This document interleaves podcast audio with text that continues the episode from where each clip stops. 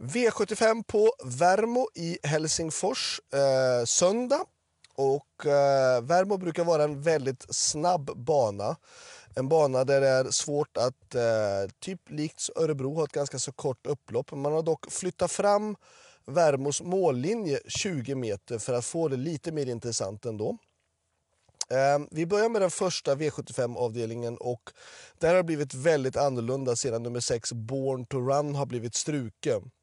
Det gör att det kommer bli en, lite av en straffspark för nummer 3 Bosse Nice eh, som har gått jättebra och har ett perfekt utgångsläge. Värst emot, eller intressantaste tycker jag i sådana fall är nummer 2 Marlon D. V75 2 där är det spik och den tyngsta och bästa spiken i omgången, nummer sju, Parvelan Retu. Parvelan Retu är ju en fantastisk häst som har gått fantastiska tider och en av ja, Finlands absolut bästa kallblod. Uh, och det är inte mycket som talar emot för att han ska förlora den här gången heller. Uh, gjorde en bra comeback senast och uh, chansen, eller Ska man gardera emot då vet jag nästan inte vilken man ska ta. Jag kan tycka att nummer fem, Evarti, är väl den som i så fall är intressantast. Santo Raitala som kör den är ju den som vinner mest lopp och har ett fantastiskt år bakom sig. Men för mig är spiken nummer sju, Parvelan Retu. V75 3. Då är det Örjan Kihlström nummer ett, Versas Face i detta långlopp som är mest intressant på start. Från 20 meters tillägg då tycker jag nummer 10 Unique Creation och från 40 meters tillägg nummer 14 Martin Debos. Varningen är nummer 8 Main Stage, återigen Santo Raitala eh, som kör en häst som har kommit tillbaka efter ett kval. Det kanske är totalt fel av mig men jag tycker ändå att hästen har gått intressant innan, varit hårt betrodd. Eh, kommer nu med ett kval. Svårbedömt men jag kan säga upp att det är en varning i alla fall. V75 4 och jag tror inte att Alessandro Gocciadoro åker med en häst hela vägen för Finland med den tråkiga resultatraden om inte den är bra. Sen att hästen har fått ett perfekt spår också, nummer fyra Amornero Rock, så gör det såklart att det ska vara en kanonchans. Um, sen att då um, värsta motståndare som jag kör, nummer 12 Curriere Boko, har dragit just spår 12, det gör att det är stor fördel för nummer fyra Amornero Rock. Sen har ju då 12 Courier Boko gått jättebra eh, och är en fin häst och ska kunna utmana absolut.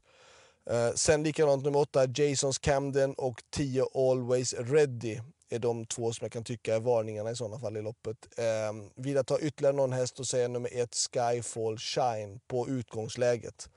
Men rankingen för mig är ändå 4-12 i första hand i avdelning 4. Avdelning 5 lite mer öppet. Eh, jag kör nummer 8 Asteroid som är en jättefin häst. Det har vi sett tidigare. Eh, tyvärr har han dragit ett tråkigt utgångsläge spår 8 men han är ju en bra häst och ska räknas. 2 Donizetti besitter kapacitet och nummer 5 Colibri Jet. Um, jag tror mycket på Asteroid för att han är bra. Eh, men det är klart att det är så svårt att mäta de andra två hästarna ändå, men jag rankar loppet ändå som 8, 2, 5. Gör jag. Varningen är nummer 1, 9-11. V75 6. Ett Epimetheus kan leda det här loppet runt om och det är ett spikförslag. Varningen i sådana fall är nummer 12 No Limit Royalty men den har ju dragits på 12 och Epimetheus 1. Uh, eh, två Ivan BR och tre My Sweden är ju bra hästar men nah, jag tror inte ändå. Jag tror att ett Epimetheus vinner det här loppet faktiskt. Sen då det sista V75-loppet, det mest intressanta på hela dagen och det är ju då Finlandia Ajo, grupp 1-loppet. Och eh, fem BP, eller sex BPB fick ju inte chansen senast, satt ju fast då i vinnarhålet bakom Önas Prins när jag vann med San Motör. Eh, skulle kunna få revansch i det här loppet. Att det är 1600 meter för honom är ju såklart en fördel. Eh, jag är dock inte så säker på att de släpper ledningen med nummer fyra Next Direction om den öppnar som den ska.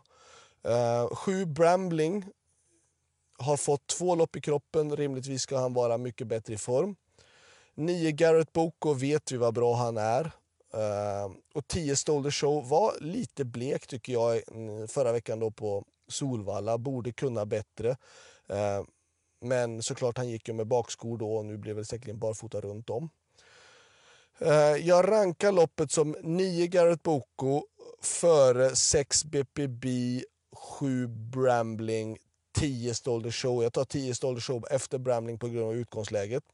Och sen då varningen är nummer 2, Cockstyle. Så det var allt. Lycka till så hörs vi igen nästa vecka. Då är det V75 på Åby.